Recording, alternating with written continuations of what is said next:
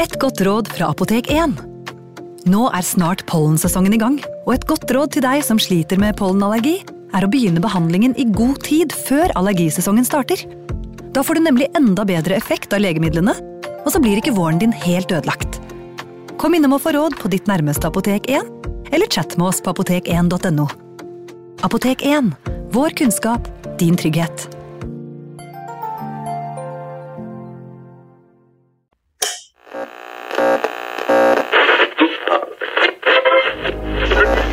Vi skal gjenta særmeldingen i dag. Nummer én Kjerringa er galen. Nummer to På ski over lyng og kvast. Nummer tre Baklengs inn i aftensangen. Baklengs inn i aftensangen.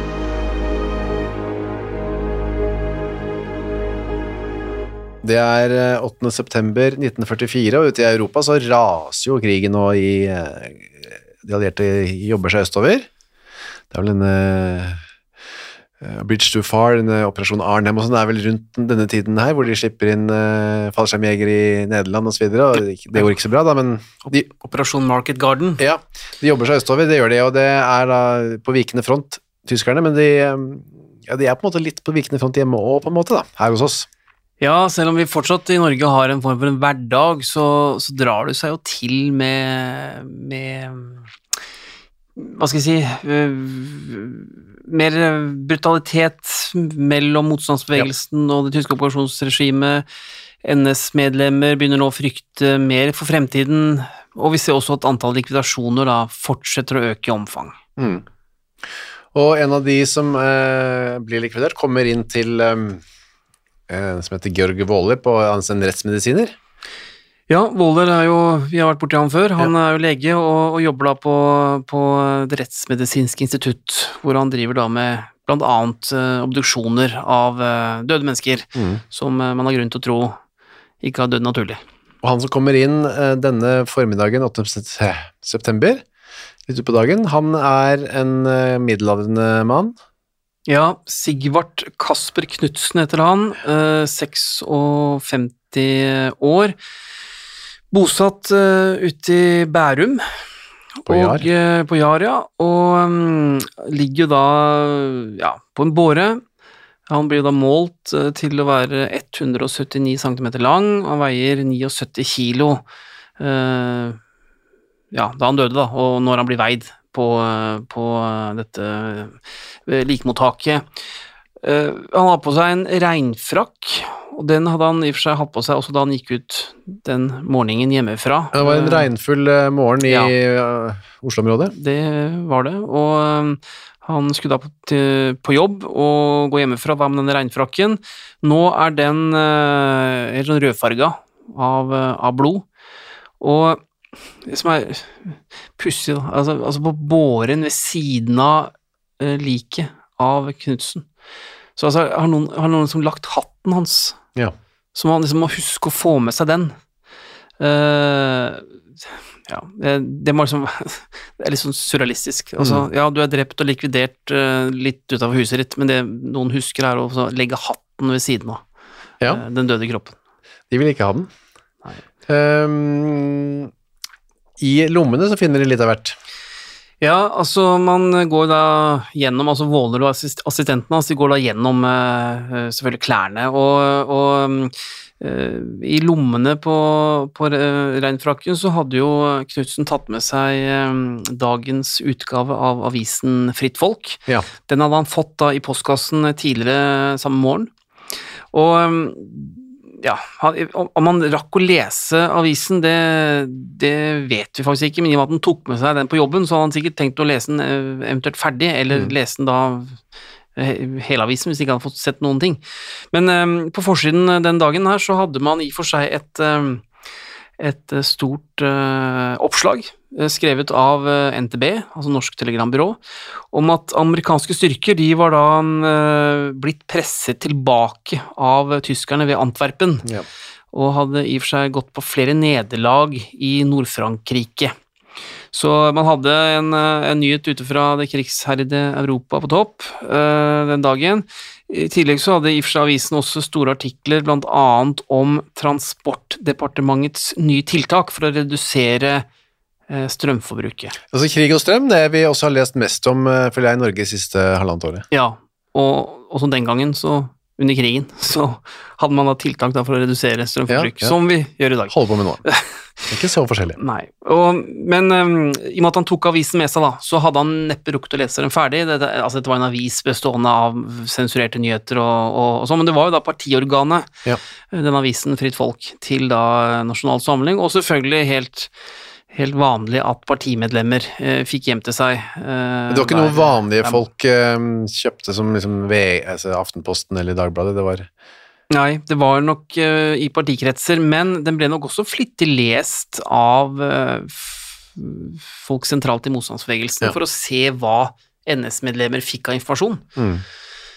Og eh, det var jo så mye annet stoff der. Jeg har jo sett mange av disse avisene og brukt dem i arbeidet, blant annet med boka her, da. Eh, De kalte dem rottejegere. Men jeg ser at de, de har jo annonser og ja.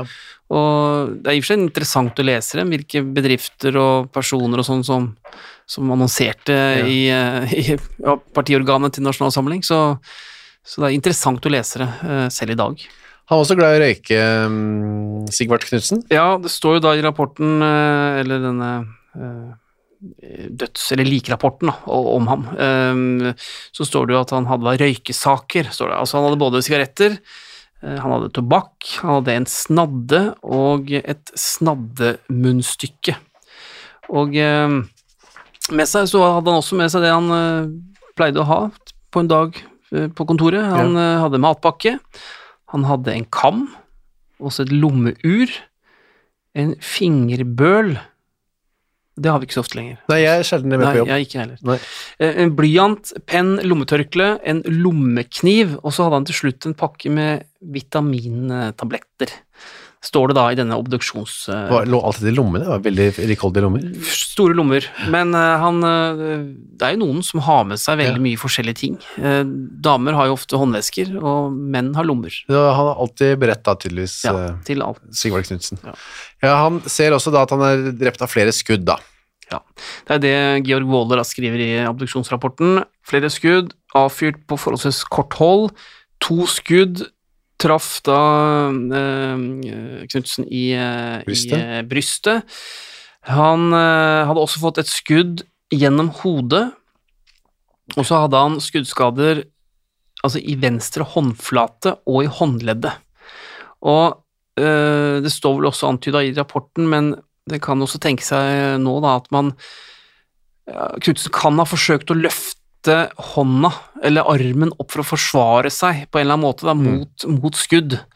Uh, og i og med at eh, to av dem da uh, traff ham i den, i, den, uh, i den venstre hånda og i, og i håndleddet der. Um, det, ingen, det, det var ingen vitner, iallfall så er det, finner ikke politiet noen som da har sett det som det som skjedde, men, men ifølge Våler og de da som jobber med liket, så mener man at det er et sannsynlig hendelsesforløp. At Knutsen først har blitt skutt, så har han falt om og blitt liggende på bakken, og så har han fått det der dødelige hodeskuddet. Mm. Og um, mulig at han var i live før dette siste hodeskuddet, som da tok livet av ham, eh, og at han da har forsøkt å løfte da eh, hendene opp da for å, for å ja, et forsøk på å forsvare seg, da. Eh, og, det, og det ble også tatt som forklaring på skadene i denne venstre, venstre hånda. Men, eh, men eh, det, det blir jo uansett spekulasjoner både da og, og nå. Um, og um, det står da under den obdu obduksjonen så, så har ikke legene da fått vite noe mer om om politiet har fått opplysninger fra eventuelle vitner om, om hva som konkret har skjedd. Så de må bare i og for seg lage seg et hendelsesforløp basert på skuddskadene de finner. Men det man vet, er at han gikk ut av huset sitt eh, i Velligveien 9 på Jar, da. Sigvart Knutsen. Ja, Om morgenen på denne fredagen. ja. Og han bodde jo der sammen med, med kona si. Hun het jo da Bertha. Ja. Og så hadde de fire voksne barn sammen, og så hadde de et barnebarn. Han var på vei til kontoret sitt. Ja, det ligger, lå, lå da i grensen 16, altså i, eh, i Oslo sentrum. Og det som var spesielt med Sigvart eh, Kasper Knutsen, det var at han var eh, kontorsjef i det som da het likvidasjonsstyret. Det var et i og for seg spesialorgan underlagt Finansdepartementet. Og eh, likvidasjonsstyret da var jo opprettet av okkupasjonsmyndighetene for å forvalte eh, konfiskerte og inndratte verdier fra personer, altså nordmenn, som var deportert, eller av forskjellige årsaker da hadde dratt fra Norge. Enten rømt til Sverige eller Storbritannia eller sånt noe, eller eh, ja, arrestert og sendt ut av landet, Jøder, for eksempel. for eksempel. Da er det hus og leiligheter og ting de har. Eh, Da var det dette styrets ansvar å omsette etter penger og forvalte disse pengene. Da. Ja, og det kunne også være, være pengesummer, eh, bankinnskudd, kontantbeholdninger, eh, alt man hadde da fått tak i av verdier eh, og beslaglagt, eh, skulle da bli, bli benyttet til statlige formål, som det da het. Um, Ikke inn i statskassa bare, da. rett og slett for å finansiere eh, okkupasjonsregimets uh, virksomhet i Norge. Men når det gjaldt eiendommer, så var det litt spesielt. Der, Um, de solgte man ikke alltid, man, uh, man forvaltet dem. Uh, Og de ble da ofte tildelt Ja. eh, tyskere eller, eller nordmenn som var eh, medlemmer av Nasjonal Samling.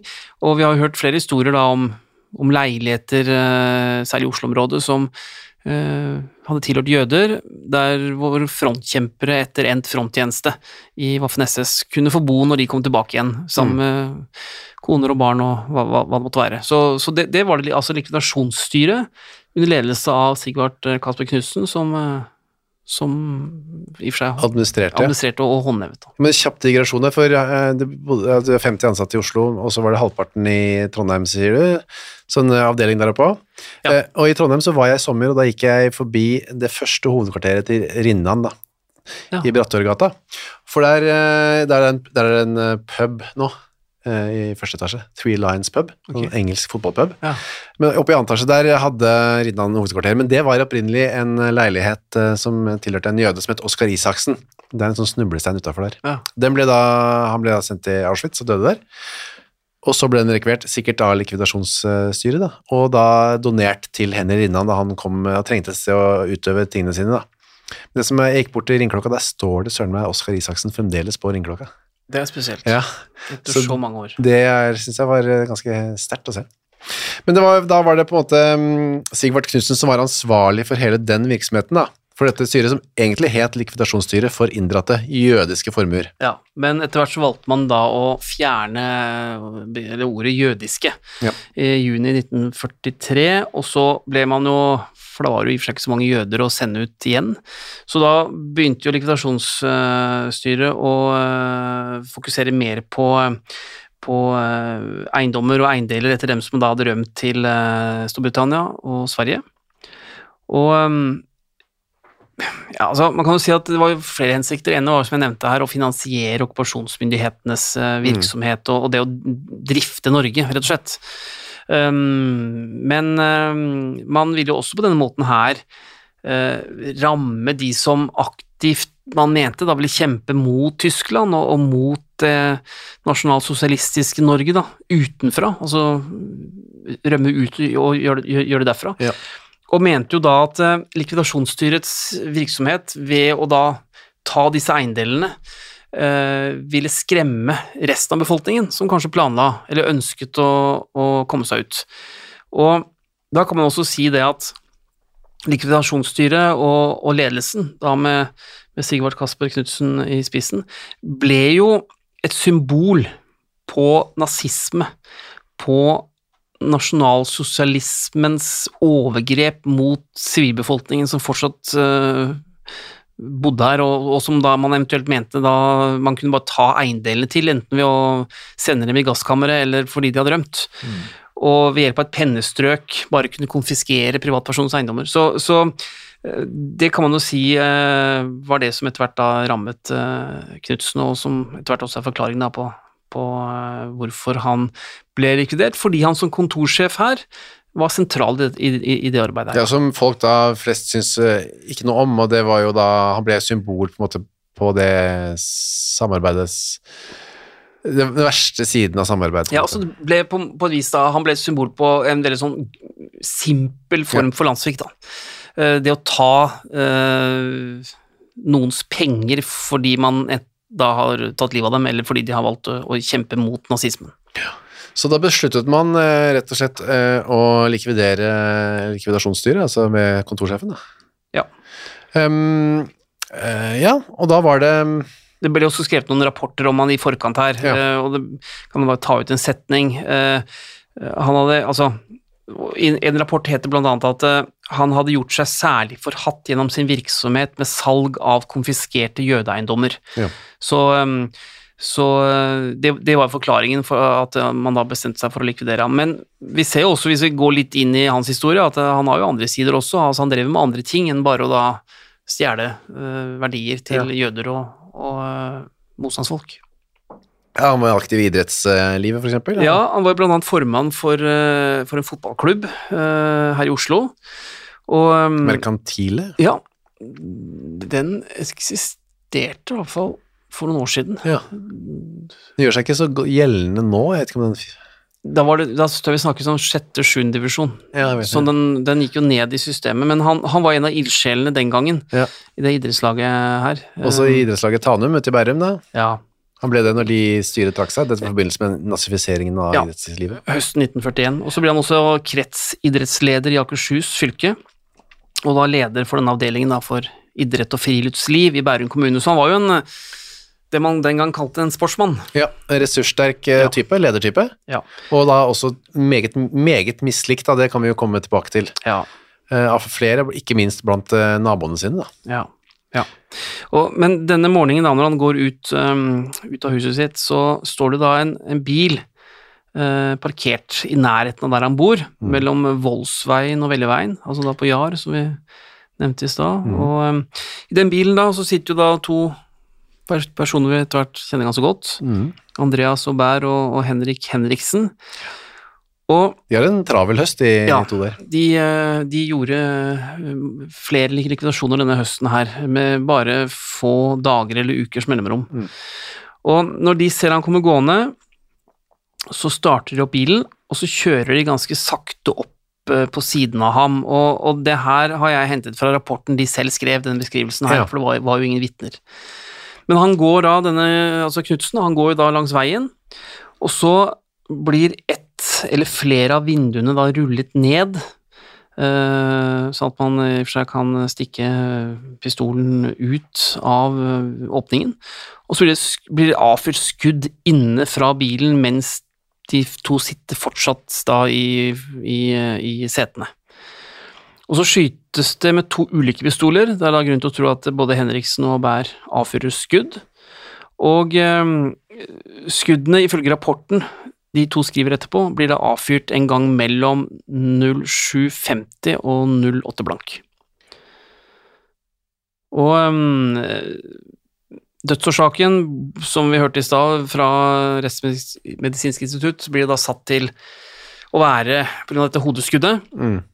Og det står også i rapporten at uh, Knutsen var steindød etter at skuddene var avfyrt.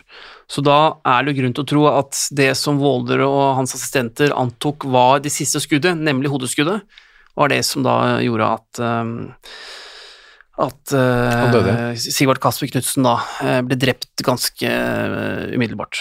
Og det han faller da om på eh, veien der, langs gata der. Ja, det finnes jo et bilde av det òg. Ja. Um, Du har det i boka di. ja, det Det er en regnvåt gate med trær rundt. Det er Ja. veldig stille der, da. så ligger han i veikanten der, eller uh, ved siden av noen trær og litt gress og Ingen er, mennesker eh, rundt. Nei, eh, på bildet så er det noen i bakgrunnen der, noen en, står og ser på det hele med en paraply og sånn, men, men det er jo da ingen eh, ingen, ingen vitner. Og det som, det som er litt spesielt her, da, det skjer jo i et boligstrøk. Og vi har jo hørt om lignende likvidasjoner tidligere, hvor, hvor Uh, uansett politisk ståsted og hvem man sympatiserte med ikke og sånn, skyting ble ofte varslet politiet. Ja. Um, men, um, og det skjedde ofte raskt, i løpet av minutter. Men i dette tilfellet så eh, virker det ikke som om det skjedde. Og det er overraskende, fordi Knutsen ble altså skutt like utenfor hjemmet sitt ganske tidlig om morgenen, Eh, men allikevel, på en vanlig hverdag, så er det jo folk ute i et boligstrøk. De skal på jobb, de skal på skolen, ja, og, mm, og skal ting. Ja. Så de har passert han der, ja. De har, må, jo, må jo ha det, Ja. og må jo ha sett at det lå et lik i veikanten, Skutt, og at det var en nabo. Blod Og det, ikke sant? Og det går altså to timer. Ja. Først klokka ti så, eh, så blir da politiet og, og, og ambulanse og, og sånt eh, varslet. Og det skjer altså da til tross for at noen av naboene må ha hørt at det ble avfyrt skudd inne i et ganske fredelig boligstrøk, som nok var ganske skjerma fra, fra krigens uh, Mm. hverdag, for å si det sånn. Det var ikke mye mange aksjoner i det området her uh, av det tyske sikkerhetspolitiet og statspolitiet og sånn. Det er sjelden skyting på Jar, har jeg inntrykk av. Ja. Den, dag i dag. Ja, og, ja, man kan jo si at det har, eh, har vedvart. Ja. Um, og det førte til at um, altså liket av Knutsen blir liggende uh, urørt midt I, i veien, I regnet. i regnet, eh, i to, ja, altså faktisk i flere timer da, før det blir uh, henta av en ambulanse og, og tatt med da til Rettsmedisinsk institutt. Og hva er forklaringen på det? Det man antok, var jo at nabolaget her, altså naboene, fikk med seg det som skjedde. De skjønte det var, uh, var Knutsen som var eh, skutt og drept. Men som politiet skrev etterpå, forklaringen på naboenes oppførsel var at uh, familien Knutsen var veldig dårlig likt. Mm. Både i nabolaget, men også i og for seg i hele, hele lokalmiljøet. Og dette hadde da i og for seg skjedd etter at Knutsen ble, og i og for seg familien, ble medlemmer av Nasjonal Samling, men, eh, og, og fikk denne fremtredende rollen etter hvert da i likvidasjonsstyret.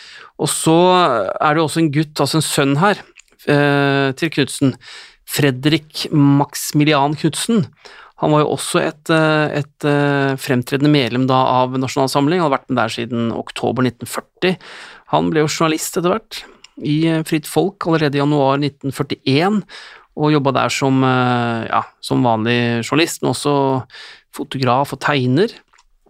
Men denne sønnen, da, Fredrik, han verver seg jo i 1942 til Waffen SS som, som frontkjemper, og blir etter hvert eh, krigskorrespondent. Og jobba jo da ute i feltene sammen med SS-styrker, både i, i Tyskland, også i Frankrike, Østerrike og, og Nederland. Og øh, kommer tilbake etter hvert, og, og får da også en ganske fremtredende stilling i, i, i NS, som øh, kontorleder for Nasjonal Samlings ungdomsfylking. Ja, så det er to framstående og markante nasjonalsosialister på en måte i den familien. Ja, og den oppførselen som politiet omtaler det som da, til naboene her, den er såpass spesiell at den blir jo da nevnt uh, i politirapporten spe spesielt. Ja. Og det som kommer frem etter hvert, er at flere av naboene og, og tilfeldig forbipasserende, de hadde da sett at Knutsen eh, lå eh, død i veikanten. Altså, de hadde sett kroppen hans. Men de hadde bare gått forbi. De hadde latt være å undersøke hvorfor han lå der. Eh, ingen hadde gått bort til ham eh, for å se om han trengte hjelp. Og um, som det står da i, eh, i politirapporten da, om, eh, om eh, likvidasjonen, eller om, om den morgenen han Ja. ble likvidert, Sigvart Kasper Knutsen, så står det at uh, i, i dette tidsrom ble den myrdede passert av mange mennesker, både folk som gikk til sitt arbeid og barn på vei til skolen, men ingen varslet hverken politi eller lege, til tross for at mange visste hvem han var. Mange skolebarn var så oppskaket ved synet av den drepte, som de kjente godt til, at de gikk og strigråt hele veien. Mange voksne var også forferdet over den ufølsomhet som ble lagt for dagen, og som utvilsomt hadde sin rot i en ren åndsterror, slik at ingen våget å melde fra om mordet. Kontorsjef Knutsen var nemlig medlem av NS. Slutt. Det var en sånn eh, enighet om at her, nå sier du ikke noe om dette, altså? At man eh, nærmest ble truet til taushet? Er det det de mener her, da? Det er det politiet i rapporter sin antyder, at eh, her har motstandsbevegelsen og Milorgs folk nærmest et jerngrep rundt nabolaget eller, eller lokalområdet her, slik at ingen tør å varsle. Og så avsluttes denne politirapporten med at uh, mordet var så tydelig politisk preget at statspolitiet har overtatt uh, saken, sto det. Og da er det jo da som vi vet, når statspolitiets mordkommisjon eh, kobles inn eh, i et drap, så er det fordi man mener at det er da motstandsbevegelsen som står bak, og at den drepte er en, en av okkupasjonsregimets uh, støttespillere eller et NS-medlem. Bare lese, det, ble det et, hengt opp en sånn etterlysning eh, fra sikkerhetspolitiet, bare lese den. Politi, står øverst, den 8. september 1944 klokka 7.50 ble kontorsjef Sigvart Kasper Knudsen skutt på veien utenfor Birkelundsveien 4 jar. Det var en sånn stikkgate sikkert, det da mellom uh, Veljeveien og Voldsveien. Det pålegges enhver som enten selv har vært vitne til handlingen, eller sett noe som kan settes i forbindelse med den, eller som av andre har hørt noe som kan lede til oppklaring av forbrytelsen, uoppholdelig og melde dette til Statspolitiet avdeling 6A, Kronprinsens gate 10, Oslo, telefon 2615 eller nærmeste politimyndighet. Enhver som måtte bli påført ut, å ha noe kjennskap til saken uten å melde av dette, vil bli betraktet som medskyldig og behandlet deretter. Politidepartementet, lederen av sikkerhetspolitiet. Ja. Så de var i De fant ingen som kunne si noe eller hjelpe dem på noen måte. Nei, og ved at man gikk ut med en sånn etterlysning, så valgte man jo også i det tilfellet her da, å ha en åpen, eh, kall det, en del åpenhet da, Ja. rundt eh, denne likvidasjonen.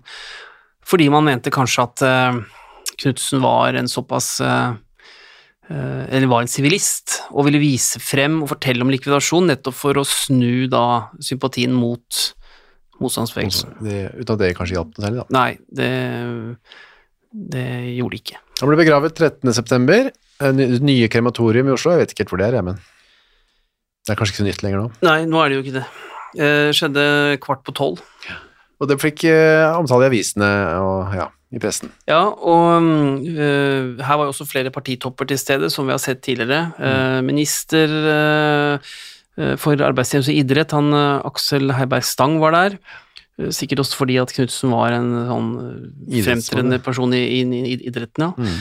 Og fikk jo i og for seg også bred omtale da, i blant annet eh, eh, Fritt Folk. Og de omtalte jo seremonien, da, men, men en overskrift som sto, eller hvor det sto at eh, en stor sørgeskare var møtt frem for å si det siste farvel til den noble kampfelle. Og så blir jo denne her gravferden omtalt som en gripende høytidelighet, og, og bildene derfra som, eh, som jeg så på trykk annet i Fritt Folk, da, de viser at det er jo enormt med blomsterkranser og, og eh, masse stivpyntede personer, en del eh, tyskere i, i uniformer, også mange nordmenn i uniformer, både fra parti og, og fra Waffen-SS. Og så er det jo musikk, hvor man spiller Våren da, av, av Grieg. Ja. Og så synger man jo da salmen Nærmere deg, min Gud.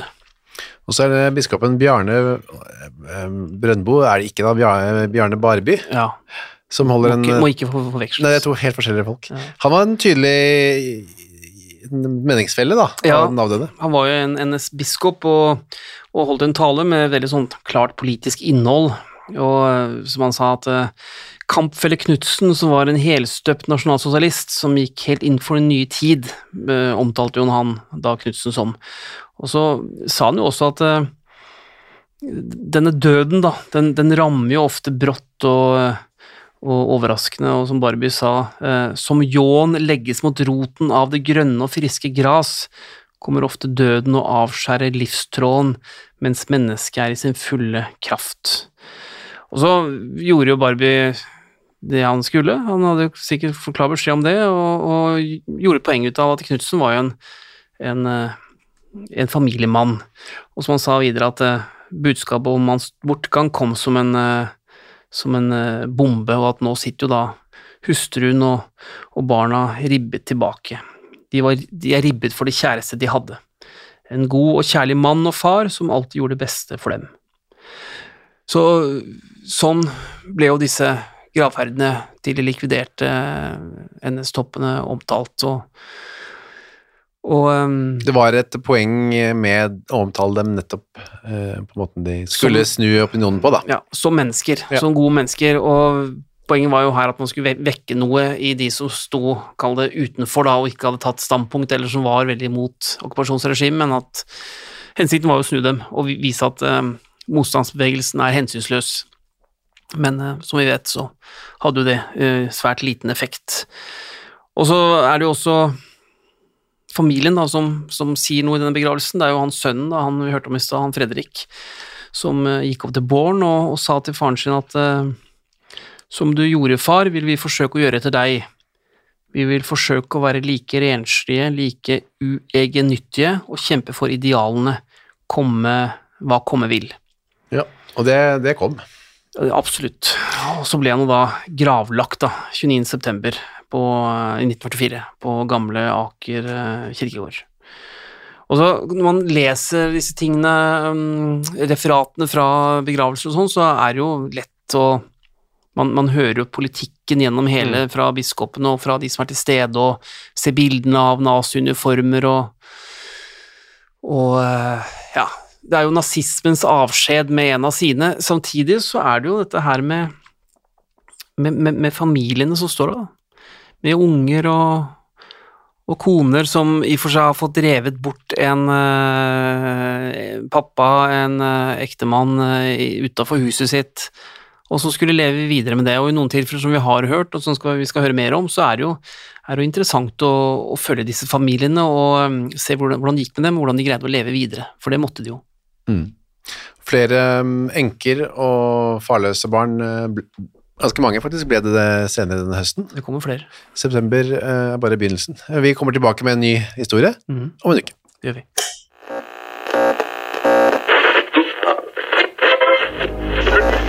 Vi skal gjenta særmeldingen i dag. Nummer én Kjerringa er galen. Nummer to På ski over lyng og kvast.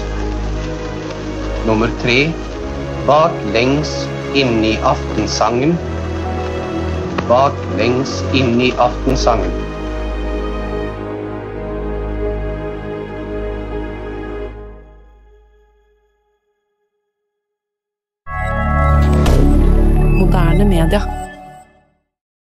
Har du et enkeltpersonforetak eller en liten bedrift? Da er du sikkert lei av å høre meg snakke om hvor enkelt det er med kvitteringer og bilag i fiken, så vi eh, gir oss her, vi. Fordi vi liker enkelt. Fiken superenkelt regnskap.